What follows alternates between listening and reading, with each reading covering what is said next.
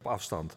En voor we naar de volgende genomineerde gaan, speelt Lucky Fonse derde nog een nummer voor ons. Uh, vertel, wat ga je spelen? Ja, ik ga een lied spelen wat wel aansluit eigenlijk uh, op het uh, zojuist besproken boek. dit is geïnspireerd door mijn oma. Die in, um, dit is geïnspireerd door mijn oma die in, in het verzet zat en veel geleden heeft over de oorlog.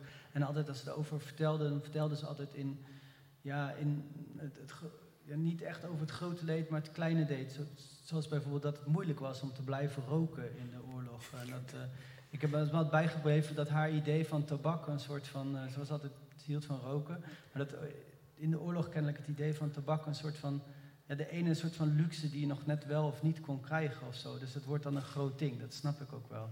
Maar uh, de eerste couplet in um, dit refrein zijn eigenlijk haar woorden en haar tactiek over hoe ze toch nog doorrookte in die tijd.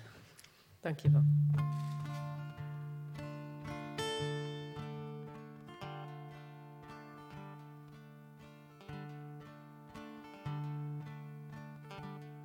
In een uitgedrukt peukje zit nog altijd tabak.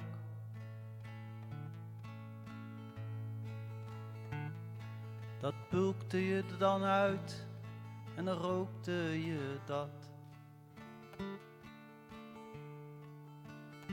En je rookte het op tot vlak bij je mond. En je gooide je peuken niet op de grond. Niet op de grond.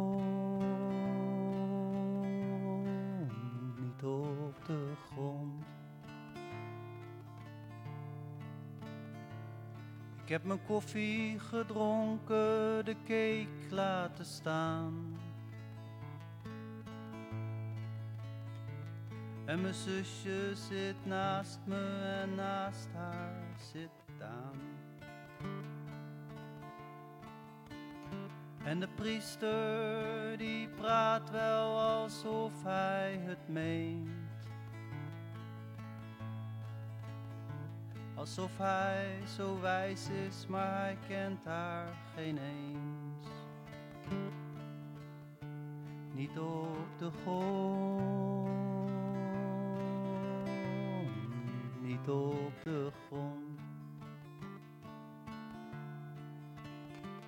Het rood lampje brandt en de kist daalt al neer. En ik weet het is zinloos, maar voor de allerlaatste keer. Met mijn vingers gebogen, mijn hand voor mijn mond. Mompel ik zachtjes, ga niet in de grond. Niet in de grond.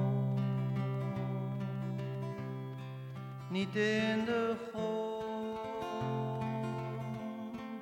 Niet in de grond. Niet in de grond.